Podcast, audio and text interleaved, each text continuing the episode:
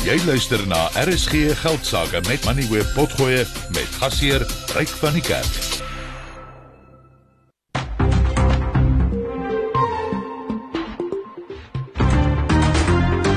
Jy luister na RSG Geldsaake met Ryk van die Kerk, jou betroubare bron vir sake en beleggingsinsigte.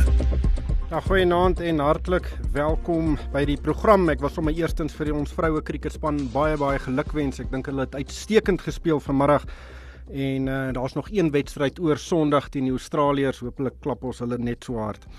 Maar van goeie nuus na minder goeie nuus uh en dit is die finansiële aksie taakspan of die FATF het Suid-Afrika vanmiddag op sy gryslys geplaas en dit volg nadat Suid-Afrika nie genoeg gedoen het om uh, wetgewing en regulasies in werking te stel om korrupsie, geldwasery en die finansiering van terrorisme doeltreffend te bekamp nie. Nou die besluit is nie 'n verrassing nie, dit is uh, algemeen verwag en uh, die rand het ook nie te erg daarop gereageer nie. Dit was net so effens swakker en daarbey het ons ook 'n sterker dollar gesien. Maar Suid-Afrika vorm nou deel van 'n klub van 25 lande wat op hierdie gryslys is. En uh, van hierdie lande is Albanië, Burkina Faso, Kambodja, Haiti, Sirië, Turkye, Jemen, die lys is uh, ek dink daar's 25 maatskap uh, um, lande daarop. En dit is regtig nie iets om op trots te wees nie. Dit is nie juis 'n uitgeleese geselskap nie.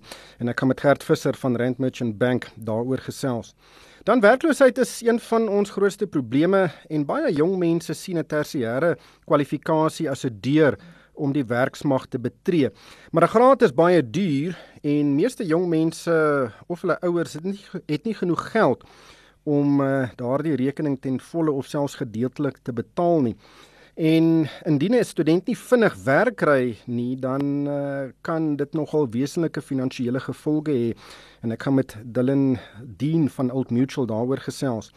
En dan dis Vrydag aand en dit beteken ons gesels weer oor uh, die persoonlike finansies en ek, ek gaan 'n hele reeks vrae aan 'n paneel stel. Dit is een van ons gewildste programme van die week. En uh luisteraars kan uh, SMS met vrae stuur na 45889 toe. Dit kos R1.50. En dit kan enige vraag wees oor beleggings, aftrede, spaar en dis meer. En uh, ek gaan vanaand gesels met Amelia Morgenrood van PSG Wealth en ook met Tersia Jacobs van Investec en ek gaan met Tersia veral gesels oor 'n hele reeks vrae wat ek reeds gekry het oor die begroting. Dit was 'n baie interessante week, 'n baie interessante begroting wat aangekondig is. En 'n uh, hele paar luisteraars het vir my vrae gestuur en ek gaan dit dan aan haar stel. Luisteraars kan ook nou nog vir my vra oor die begroting stuur 45889 en soos ek gesê dit kos R1.50. Maar kom ons kyk eers wat het vandag op die markte gebeur en Enko Creer sit reg daar in die RSG ateljee in Auckland Park oor na jou Enko. Dankie Ryk en goeienaand aan elke luisteraar. Ja, hier by ons was die beurs vandag werklik baie kwaad geweest, uh, rooi van woede geweest, maar nie net by ons nie, wêreldwyd is al die beurs, is al die markte regtig onder druk. As ons maar net kyk na Amerika, die Dow Jones en die S&P 500 is op die oomblik elkeen 1.5% af en die Nasdaq is op die oomblik 2% swakker. En in Europa is die FTSE 100 0.5% laer en die Duitse DAX en die CAC 40 elkeen 1.5% af. En hier by ons het die JSE vandag 2,6% laer gesluit op 'n vlak van 76938 punte. Die Hulbron indeks se vlak het wesentlik gedaal en dit met 4,5%. Die nywerheidsindeks was 2,3% swakker gewees en die finansiële indeks ook 2,3% af. Anglo het vandag teruggesak met 7%, BHP 4,5% af. First Rand verloor 3.5%, Richmond en Standard Bank elkeen 3.1% laer en Naspers en Prosus sluit die dag 2.7% laer en Glencore is 2% af. Nog maatskappye waarmee dit baie sleg gaan het vandag was Motus wat 7.2% verloor het, Dischem, ARM en Kumba verloor elkeen 4.3% en Truworths en Goldfields uh, is elkeen 3.5% laer. Dit daarom beter gaan met Tungela wat vandag 3,7% sterker gesluit het en ander maatskappye soos PSC Consult, Textainer en RCL was elkeen 1,5% hoër. MultiChoice en Exxaro was ook Woolies wen elkeen 1%. Dan op die kommoditeitsmark is die goudprys 1811 dollar per fyn ons, silwer is op die kop 21 dollar en die prys van platinum en veral palladium sink soos 'n klip Platinum is nou 915 dollar per fyn ons en palladium is 1370 dollar. Die olieprys staan tans op 81.65 per vat en ons betaal nou R18.45 vir 'n dollar en dit is 'n verswakking van nog 0,5% teenoor die dollar net soos gister en die dag voor dit. Ons betaal nou R19.45 vir 'n euro en dit is 'n verswakking van sowat 0,8% en R22.03 vir 'n Britse pond en R12.40 vir 'n Australiese dollar. 'n Bitcoin verhandel nou teen 23800 dollar of 440000 rand.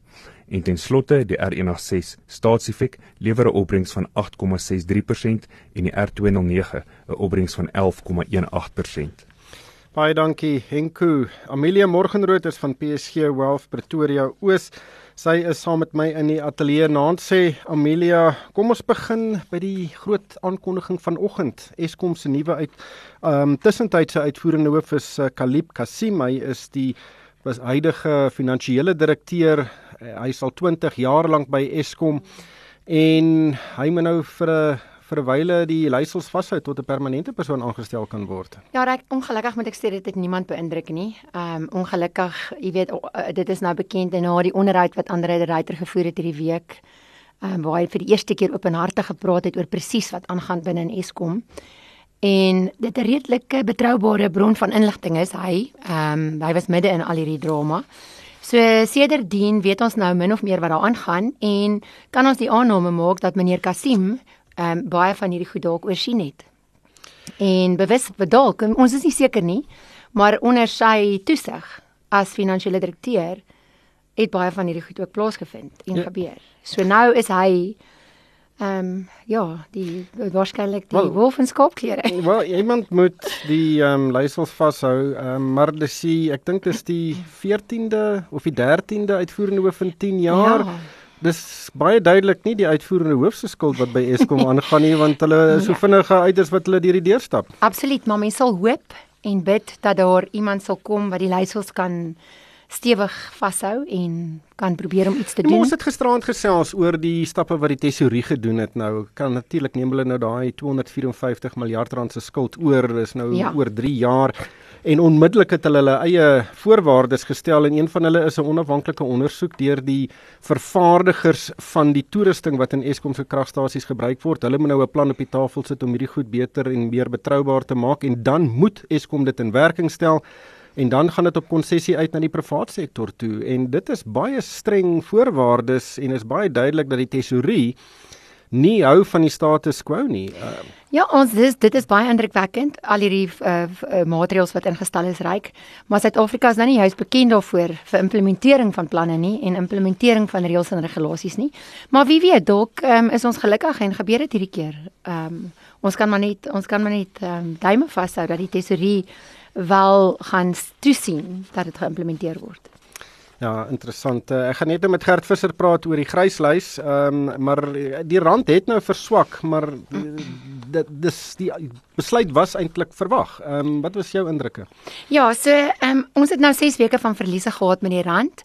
Ehm um, vanoggend het dit gelyk asof die rand bietjie nader beweeg na die 18 vlak toe, maar ehm um, na toe die uit, aankondiging uitkom van die gryslys of toe dit bekend raak, Um, meneer Kieswet het vanoggend so iets gesê tydens 'n toespraak, toe die rand onmiddellik weer 'n goeie 20 sent verswak, maar die rand is baie onderdruk en ondergewaardeer. Volgens alle aanduidings is die Suid-Afrikaanse rand die mees ondergewaardeerde geldeenheid van opkomende markte behalwe die Russiese roebel. En dis volgens die McDonald's maatstaf.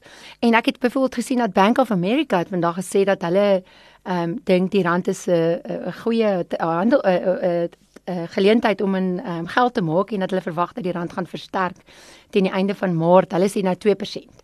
So ten minste is daar aanduidings dat ons rand behoort te stabiliseer. Dit is tipies van 'n geldeenheid om te reageer as daar ehm um, gerugte die rond te doen. En dan as die nuus uitkom, al is dit slegte nuus gewoonlik, dan stabiliseer die geldeenheid en sal hy gewoonlik weer 'n paar tree terugneem. Ehm um, dis net as gevolg van die gryslys nuus. Kom ons kyk gou vinnig na 'n paar maatskappy aankondigings wat vandag gedoen is of gemaak is. Ehm um, Spur, die jou gunsteling familie restaurant, baie goeie syfers bekend gemaak. Die aandeleprys spring vandag met 2,1%. Tot R24 en mes moet dit in die konteks sien van die bloedrooi dag wat ons uh, beleef het. Ja, die mark was onder geweldige druk. Ehm um, sedert vanoggend vroeg al nie net oor die gryslys situasie nie. Internasionale markte het ook 'n bietjie van 'n slagting beleef omdat daar syfers uitgereik is in Amerika wat dui op dat inflasie lekker ehm um, lewendig en skoppend is en dat die uh, Federale Reserve waarskynlik rentekoerse uh, hoër gaan hou vir 'n langer tyd. So as gevolg daarvan was die markte onder baie druk, maar Spur het ondanks dit ehm, 'n um, baie goeie vertoning gelewer vandag, um, soos jy noem net meer as 2% op. Maar in die konteks van wat gebeur het in die laaste jaar, beweeg hy maar redelik in 'n sywaartse band. En natuurlik deel van Spur is Rocco Mamas, ehm um, Hussar Grill en John Doris net vir agtergrondinligting vir die luisteraars. Ehm um, en hulle het hulle winste ehm um, het vir 3 dubbel na 117 miljoen rand. Dit was nou vir die tweede helfte tot Desember. En hulle sê hoofsaaklik as gevolg van ehm um, toerisme wat herstel het in die Wes-Kaap wat baie bygedra het tot hulle tot die ehm um, tot die verkeer wat daar is in hulle restaurante. Dit het met 31% gestyg in die Wes-Kaap. Hmm. En al hulle omtrent al hulle restaurante is ook op ehm um, kragopwekkers uh, by hulle self by die restaurante 95% daarvan so hulle kan voor hulle hulle word nie onderbreek deur enige kragonderbrekings nie. Ja, behalwe as die diesel laat is, maar ja, die omset uh, 31% hoër op basies 5 miljard rand en die wesensverdienste styg met 200% um, ehm, tot, tot basies 140 sente aan baie goeie vertoning. Net laaste ene wat ek nou wil kyk uh, City Lodge, 'n uh, maatskappy wat die afgelope paar jaar onder geweldige druk was, maar dit het ook baie baie goeie syfers bekend gemaak. Uh die uh omset verdubbel basies tot 450 miljoen rand. Um en die wesensverdienste uh, was 17 sent en in die vorige tydperk het hulle verlies van 6 sent gelei. Ja, so dit was ook danksy herstel in toerisme geweest wat hulle uh, besettingssyfers gestyg het na 57%. 'n Jaar gelede oor vergelykend was dit 30%. Hulle het ook hulle skuld verminder. Hulle het 4 hotelle verkoop um, wat vir hulle 467 miljoen rand ingebring het en dit het hulle die helfte van hulle skuld fasiliteit van 600 miljoen het hulle daarmee gedelg. Ehm um, ehm um, dit het die omset het verdubbel met het het, het, amper verdubbel na met 94% en dan was daar ook 'n dividend wat hulle nou vir die eerste keer in 3 jaar weer hervat het. Ek wil net weer sê hierdie program word aan jou gebring deur Absa en jy kan aanlyn na Absa skuif en 'n business evolve rekening oopmaak. 'n Naam word altyd gemeet aan wat dit doen. Neem ons naam byvoorbeeld, Efficient Wealth, om jou besittings te beskerm en jou finansiële toekoms te verseker. Dis wat ons doen, van lewens- en korttermynversekering tot beleggings en aftreebeplanning. Vind uit wat ons vir jou kan doen by efw.co.za of 0878949988. Efficient Wealth. Dis wat ons doen. Efficient Wealth is 'n gemagtigde finansiële dienste verskaffer. Vind uit watter Absa Business Evolve rekening by jou besigheid pas en open vandag nog een aanlyn. Ons doen meer sodat jy kan. Dis African Asset. Absa se gemagtigde FTV en geregistreerde kredietverskaffer. Besenfees geld. Vir die belangrikste sake nuus, skakel in op RSG geldsaake. Gert Visser is van Rand, uh, Rand Merchant Bank. Hy is op die lyn. Gert, baie welkom by die program. Ons is op die gryslys. Ons wag nou al lank daarvoor. Ons het verwag dat ons op hierdie lys gaan wees en nou is ons op die lys. Wat wat is jou gedagtes daaroor? Ja, ek dink jy is reg. Ons het waarskynlik al 'n tyd gelede besef dis redelik onvermybaar. Maar kom ons begin kyk na twee aspekte. Die eerste is die tasbare. So wat het dit beteken vir Suid-Afrikaanse besighede en maar ons oor die publiek oor die algemeen? buitelandse banke is nou verplig om ekstra en meer doeltreffende maatreëls toe te pas om alle betalings wat na en uit Suid-Afrika uitvloei na van nader te bekyk. Nou ons as banke werk nou al baie hard daaraan om geld vinniger by beginsigs te kry. In die in die verlede was betalings redelik algemeen gedoen op 'n 2 dag waarde en die afgelope tyd baie werk gedoen om goed vinniger betaal te gekry. In ons geval meeste betalings dis gebeur op dieselfde waardedag.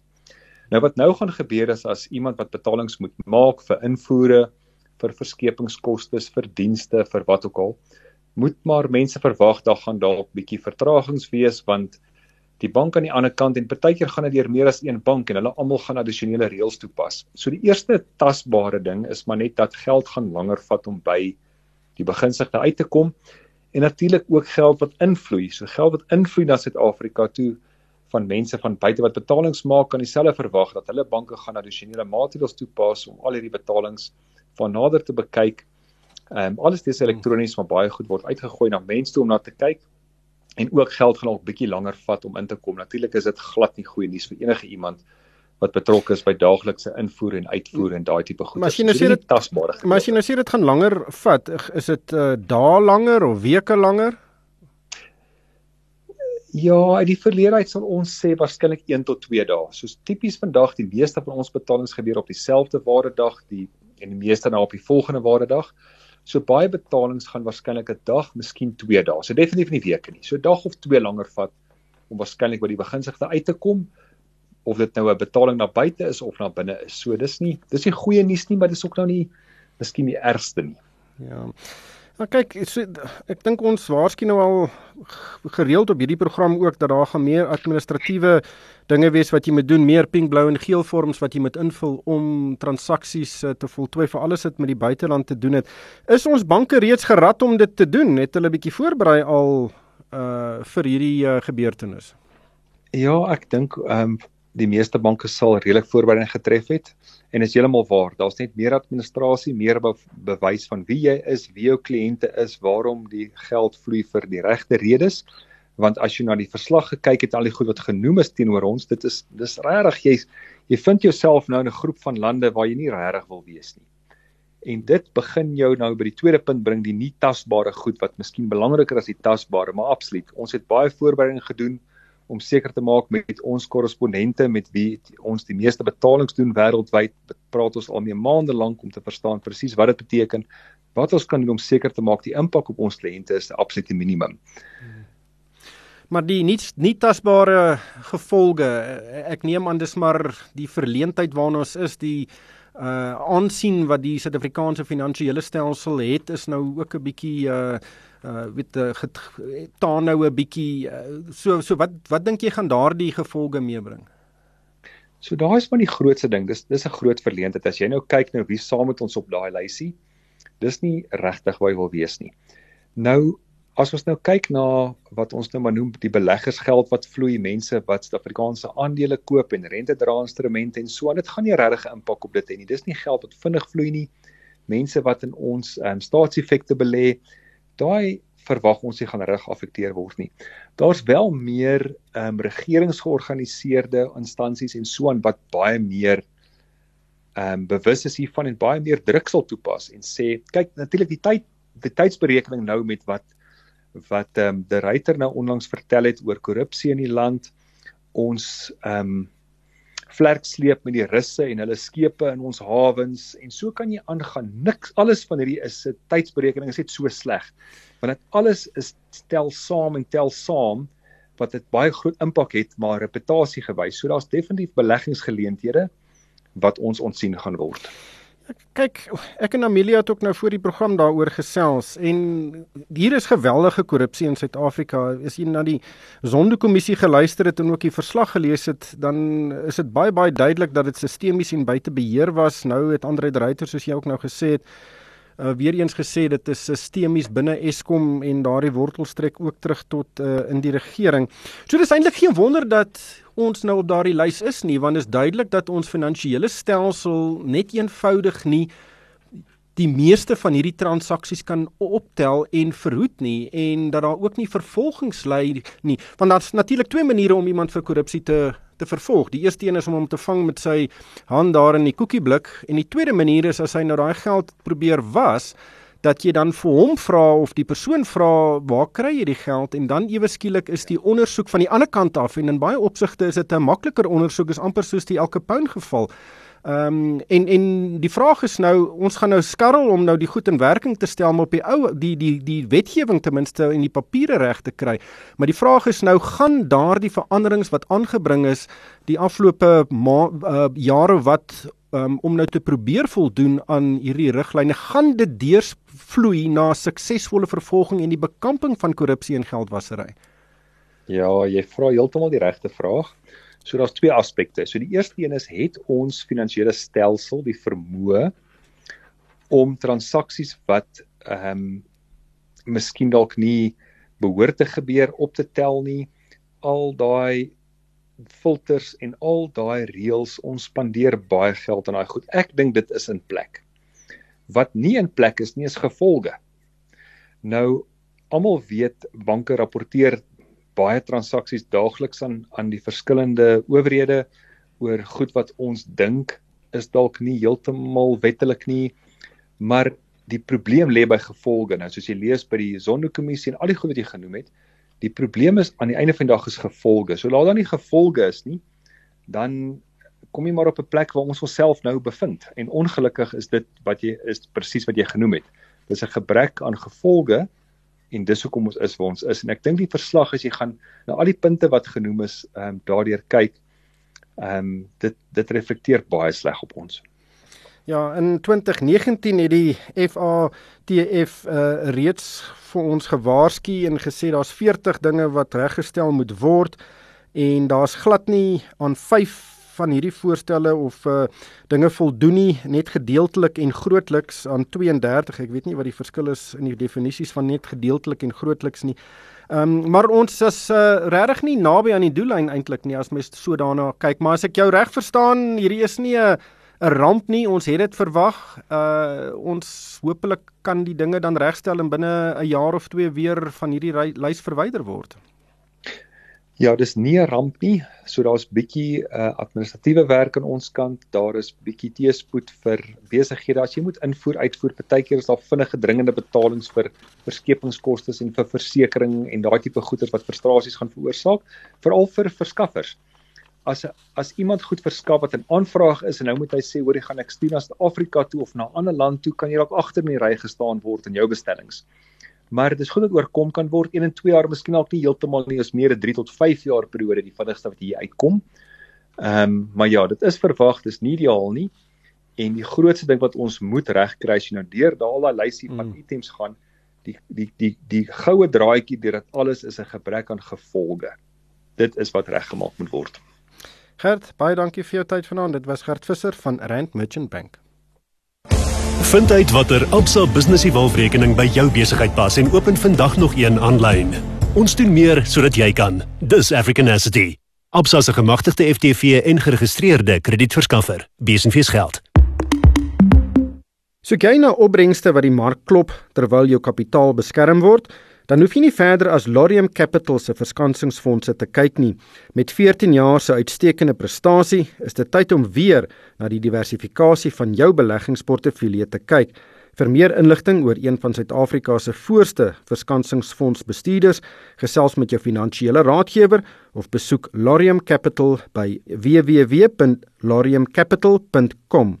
Belê met die slim geld. Larium Capital is 'n geregistreerde verskaffer van finansiële dienste. Vir die belangrikste sake nuus, skakel in op RSG Geldsaake.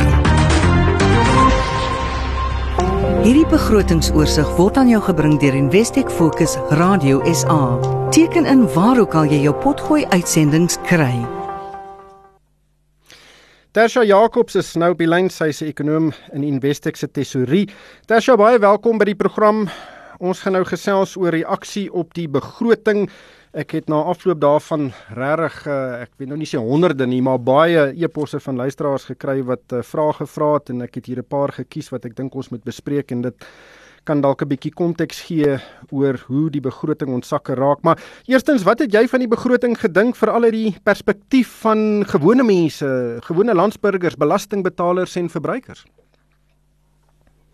Ja, goeienaand Ryk. Ek dink jy weet as mens waar ek sit waar ons na die begroting begin kyk, is dit maar altyd eerste van 'n ekonomiese en 'n finansiële markperspektief.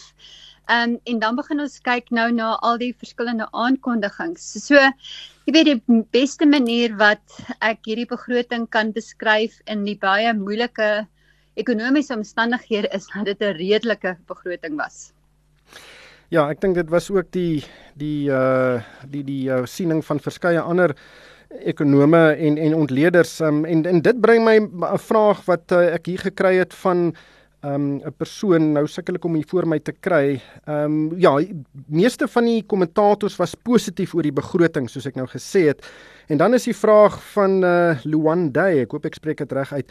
Dink julle dis uitvoerbaar want dit op die oomblik staan dit op papier, maar in die praktyk moet dit uh, in werking gestel word. Is dit volgens jou uitvoerbaar? So reg daar is 'n paar aspekte en die een grootte is gewoonlik die wat ons noem fiskale konsolidasie en dit is waar ons kyk na waar die regering se skuld tot BBP verhouding gaan oor tyd. Um en dit wys dat dit wel bietjie opgaan, maar ons weet ook dat die dit sommige van die aannames vir die to, volgende 2-3 jaar is nog nie daar nie. So van daai perspektief is dit nog baie moeilik om te sê presies tot watter mate hierdie fiskale fiskale konsolidasie kan um, voortgaan. Maar die baie belangrike punt nou wat ehm um, die die persoon vra oor die uitvoerbaarheid is direk dan ehm um, betrokke of ons groei sal kan herstel of ons nou in 'n lae groei trap kan bly hier rondom 1% en of ons terug kan gaan na 3-4% toe. So daai antwoord kom altyd maar terug na die politieke wil. Jy weet vir hoe vir die afgelope 4 jaar werk daar is daar 'n um in die president se kantoor is daar 'n belegging en infrastruktuur um departement. Jy weet en hulle self waarskynlik nou dat ons infrastruktuur besig is is om in mekaar te val. Jy weet so ons het die blueprint reg, ons het hmm. al die beleide maar dis die execution wat altyd die groot probleem is. So ek dink die volgende punt is dan kan mens seker vra, jy weet, hoe laag het ons nou al gedaal? Hoe groot is ons krisis dat ons nou geforseer word om dan um, begin te om begin uit te voer? Ja, die ek het ook verskeie vrae gekry oor juist die finansiële welstand van die regering want dit speel so 'n kritieke rol. Ehm um, die begrotingstekort word op so rondom 4,2% geraam. Die totale skuld tot BBP is so wat 73% wat hoog is vir 'n ontleikende land. Uh so die vraag is hoe diep of hoe vlak is Suid-Afrika in die moeilikheid? So wat mens wel kan sê vir die afgelope 2 jaar, jy weet met die geweldige goeie inkomste wat ons gekry het veral van mynwese en dan vir die afgelope jaar van ehm um, die finansiële maatskappye en sommige van die vervaardigingsmaatskappye is dat die minister van finansies het helfte van daardie revenue windfall nê nee, geallokeer om die begrotingstekort te verminder. So dit is 'n belang, belangrike aspek. Al daardie geld was nie net gebruik na 'n lopende inkomste byvoorbeeld om SOU's uit te byl of om salarisstygings te gee aan die aan die publieke sektor nie. So mens kan sê hierdie windfall was ten minste met wysheid gespandeer. So waar ons op die oomblik is, is daar redelike vordering gemaak om daardie begrotingstekort af te bring. So dit is nou hierso by 4.5%. Jy weet in 2020 met die COVID krisis was dit hier by die 9% gewees. So daar is baie ehm um, baie sterk beheer ook oor spandering. Ons praat nou nie oor die kwaliteit van spandering nie, reg? Ehm um, maar ek dink die groot punt is waar ons nou is het ons aan die einde van die dag groei nodig want jy weet anders kan ons nie aanhou om um belastinginkomste genereer wat belangrik is om hierdie spanderingsvlakke te handhaaf nie. Ja, so baie hang af van ekonomiese groei want uh, as die ekonomie groei dan word daar werk geskep, meer mense betaal belasting, die maatskappye wat ook in die ekonomie is betaal meer belasting en die aanname is dat ons ekonomie vanjaar met 0,9% gaan groei. En hier's 'n luisteraar wat nie sy of haar naam wil genoem hê nie en en vra wat gebeur as ons ekonomie vanjaar in resessie gaan of krimp? Hoe gaan dit die uitvoerbaarheid van hierdie begroting beïnvloed? Dit gaan natuurlik 'n baie negatiewe gevolg hê. Ek wil net vir jou luisteraars noem, ehm um, wanneer ons na 'n resessie kyk, reg? 'n Resessie is dan wanneer jy twee op jou een volgende kwartaale negatiewe groei het. So as jy terugkyk byvoorbeeld na die afgelope 2 jaar, ons het elke jaar een of twee kwartaale gehad, nie opeenvolgend nie, waar die ekonomie dan kwartaal op kwartaal laer gegroei het. So dis baie maklik vir 'n ekonomie wat in so 'n laag groei ehm um, trap is verskoon my woord om om in 'n resessie in te gaan. Ehm um, maar nou die interessante ding is wat wat ons hierdie jaar nou nogal baie gaan monitor is hoe sensitief gaan die belasting wees vir hierdie tipe groei omgewing? Want jy weet hoe ons die die groei dinamika sien is dat daar gaan nie baie um groot werksverliese wees in die formele sektor nie. Jy weet so dit behoort nog jou persoonlike inkomstebelasting te ondersteun. Die maatskappye onthou hulle is baie lenig. Hulle is al deur 'n hele paar krisisse. So die die eksterne en die plaaslike omgewing is baie moeilik. So daar gaan 'n daling wees, maar weer eens hoe hoe skerp gaan dit val? So so ek dink dit is nogal van die van die vrae wat ons um nie antwoorde op het nie want net ek kom nou net terug tot die begroting die regering of die tesorie het ook baie sterk aannames aannames gemaak vir hulle belastinginkomste. So van daai perspektief is daar ook risiko en ek wil ook net noem ons volgende groot um event risk gaan die Oktober se begroting wees waar ons dan meer duidelikheid oor sommige van hierdie hierdie aspekte gaan kry. En dan het ek 'n mooi e-pos van juffrou Erkel gekry en uh, sy sê ek is 'n onderwyser en is bekommerd dat die regering net 'n 3% verhoging in sy salarisrekening begroot. Ons het lanklaas 'n goeie verhoging gekry en inflasie maak my dood. Dink jy dan dat staatsdienswerkers daarom iets meer kan kry in die nuwe jaar? Ja, weet jy, ek dink dit is nou die dinamika van die afgelope paar jaar. Ehm um, jy weet die die publieke sektor se salarisrekening het was omtrent 5 is omtrent 35% van totale spandering reg. En dit het in die die groot stygings wat gesien is tot en met voor 2020 het wat ons noem ander spanderings, jy weet bietjie begin outcrowd, jy weet. So dit was nou nog 'n groot fokuspunt van die regering vir hierdie fiskale konsolidasie om te probeer om die publieke sektor se salarisrekening bietjie onder beheer te kry. So ek ek verstaan dit is regtig moeilik en dit dit is 'n moeilike antwoord om te gee. Na so na hierdie afgelope 3 jaar ek van laer salarisstygings, daar was dan daar jy weet daai 20 miljard se kontant ehm um, bonus. So ek dink in hierdie komende jaar gaan daar definitief 'n uh, salarisstygings kom wat meer van 'n inflasie gaan kompenseer. Ek wil dit net noem, dit is nie in die basis ehm um, lyn um, basis scenario ingesluit nie. Dit gaan af afhang hoe die onderhandelinge ontwikkel oor die volgende paar maande, maar ek sou dink daar gaan 'n groter stygings hierdie jaar deur in die volgende jaar deurkom. Ja, ek uh, ek dink ook daar is heeltemal te veel senior mense, senior bestuurders in die strukture van baie van die departemente. En baie mense kyk na die onderwysers en die polisiemanne en die uh dokters en verpleegsters, daai mense wat in die loopgrawe is. En en en baie keer uh, word daar aan gedink dat hulle word meer betaal, maar ek dink die groot probleem lê daar in die middelvlak en ek dink uh, hooplik word dit aangespreek. Mense kan baie vet sny in die middelvlak en die hoëvlak strukture eerder as wat die mense wat sulke waardevolle werk in die loopgrawe doen. Ehm um, dan Janet van Rensburg in Johannesburg vra belastingbetalers word al minder en die druk al hoe meer. Baie belastingbetalers is ook ontevrede met hoe hulle geld aangewend word. Uh, hoe dink jy moet belastingbetalers oor die begroting voel? Wel van die minister van finansies se perspektief het hy bietjie verligting probeer gee. Ehm um, so die een aspek is hierdie sogenaamde fiscal drag. So dit is wanneer mense salarisstygings kry en dit vat jy dan in 'n volgende belasting bracket. So hulle het dit ehm um, aangepas. Jy weet dit het kos hulle omtrent 15.4 biljoen. En dan jy weet gedurende die Minjani se se reën by SARS onder Zuma was dit altyd 'n vinnige manier om om belasting te kry. Jy weet en dit het ook gemaak dat weet individuele se belasting um vir relatief baie skerp begin styg het. So die afgelope 2 jaar het die um die departement van finansies ag die nasionale tesourier daarvoor probeer kompenseer. Um hmm. maar die feit van die saak is jy weet ons betaal baie hoë belasting in Suid-Afrika. Daar's 'n baie hoë redistribusie effek, jy weet die sosiale um wage is omtrent amper 60 sent vir elke rand wat daarop spandeer word en ons kry bitter min, jy weet in terme van die die swak dienste. So, jy weet die antwoord lê om on, ons munisipaliteite um uit te sorteer. Jy weet en ek weet van president Ramaphosa se kant af, jy weet daar is nou jy weet ehm um, verwikkelinge om die om die publieke sektor meer te professionaliseer. Maar jy weet die die kundigheid ehm um, is is nog 'n redelike groot is nog 'n baie groot probleem.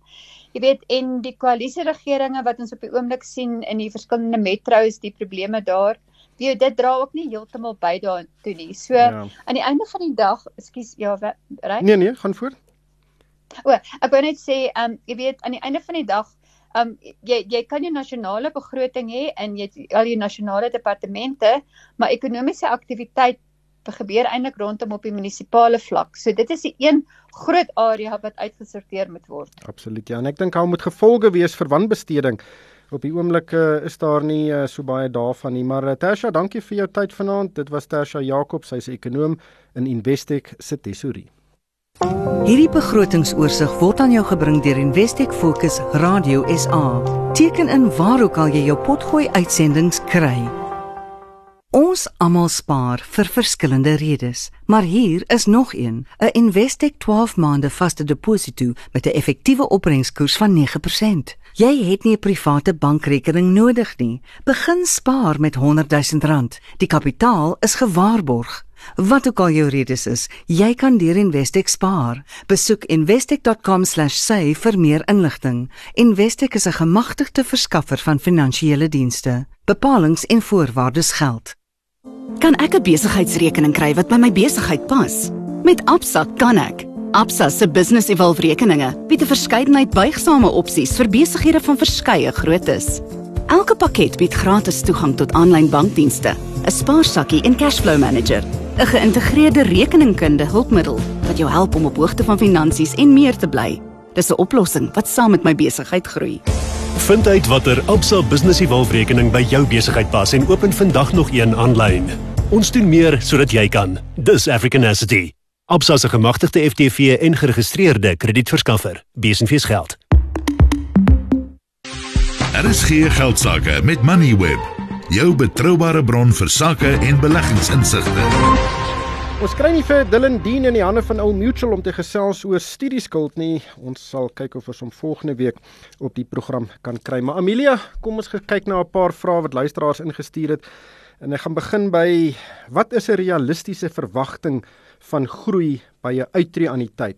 Die persoon sê ek betaal al vir 15 jaar lank en die staat wat hy ontvang sê die gemiddelde jaarlikse groei wat uh, hy of sy ontvang het is 7,2%. Dit is net net bo die inflasiekoers sê die persoon en hy vra is dit aanvaarbaar? Ek dink dit is aanvaarbaar. Ek dink jy die eerste hekkie oor oor oorgekom as jy inflasie geklop het. Want dit is tog die hoofdoelwit wanneer jy 'n lewende anniteit het. Is dit 'n lewendanniteit of 'n anniteit? Nee, dis 'n uitreanniteit. uitreanniteit. Goed, ek dink dis eerste hekkie om te oorkom. Natuurlik wil jy bo inflasie opbrengs hê, maar dan moet jy jou verwagtinge bestuur. Jy moet gaan kyk waarin is hierdie anniteit vir jou van jou belê. As dit hoofsaaklik in geldmarkinstrumente is, moet jy onthou dat die laaste paar jaar was rentekoerse in Suid-Afrika in 'n geldmark omtrent 3%. Dit het nou maar eers in die laaste jaar weer opgegaan na 6-7%. So as jy dit hoofsaaklik in lae risiko instrumente nee, gehad het. Nee, maar kom ons sê dit is 'n 7% baie. Dit is 'n 75% in aandele, jy het jou uh, ja. blootstelling aan aan um, eiendom en en dis hoë risikobates wat 'n ja. jong persoon sal verwag.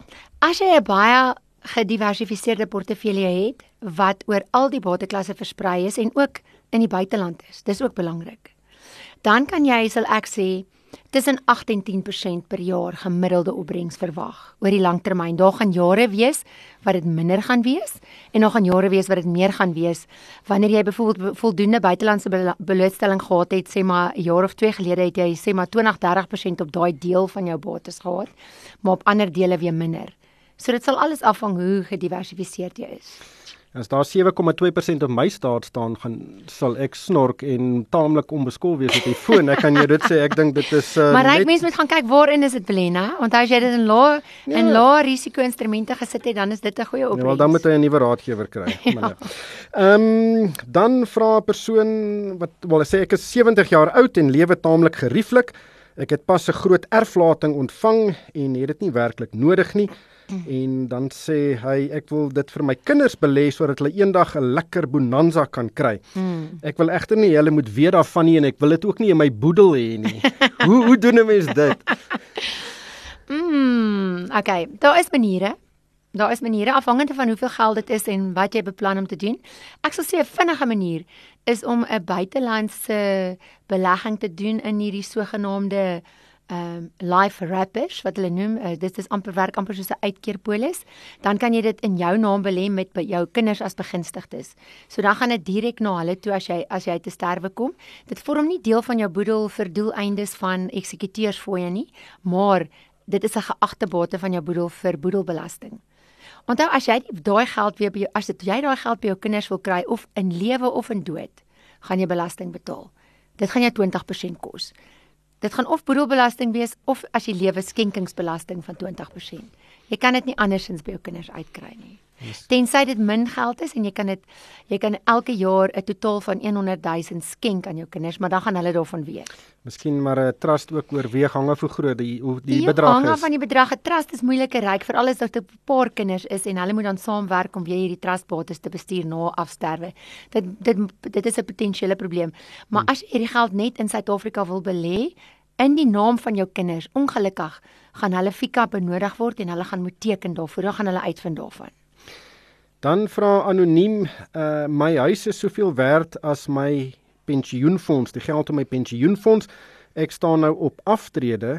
Hoe neem 'n mens die waarde van jou huis in ag as jy nou die som maak van hoeveel geld jy kan trek uit jou anniteit wat ek gaan koop? Jy kan glad nie die waarde van jou huis in ag neem nie. Tensy jy van plan is om daardie huis nou te verkoop en in af te skaal in 'n goedkoper huis te gaan bly, dan kan jy daardie ekstra geld wat jy gaan maak op jou huis kan jy in ag neem. Maar 'n huis is iets waarin jy bly. Dit kan nie kos op jou tafel sit nie. Dit kan nie vir jou enige kontantvloei genereer nie, tensy jy kamers uitverhuur. Maar andersins kan jy glad nie jou huis waarin jy woon in ag in berekening bring vir die kontantvloei nie. Ja, daar's 'n groot verskil tussen kapitaal en inkomste en as met Absoluut. aftrede moet jy kyk hoeveel inkomste jy kan kry en en dit is die dis ja. die dis die uh, botter wat jy op jou brood gaan smeer. Maar ryk as jy voor af, as jy op aftrede staan en jy moet daai berekening maak, kan jy glad nie die huis waarin jy woon in ag in ag neem nie. Soos ek sê behalwe as jy van plan is om dit te verkoop. Dan is hier 'n vraag, uh, kan ek geld wat in 'n belastingvrye spaarrekening is van een spaarrekening na 'n ander een skuif? Nee. Ongelukkig nie. Daar is nog nie voorsiening vir dit nie. Jy kan dit nog nie doen nie, nie sover ek weet nie. Ehm um, ons uh, ek dink da, daar's nog nie 'n meganisme vir dit nie. Wat jy wel kan doen, jy kan 'n nuwe een oopmaak. Jy kan meer as een hê.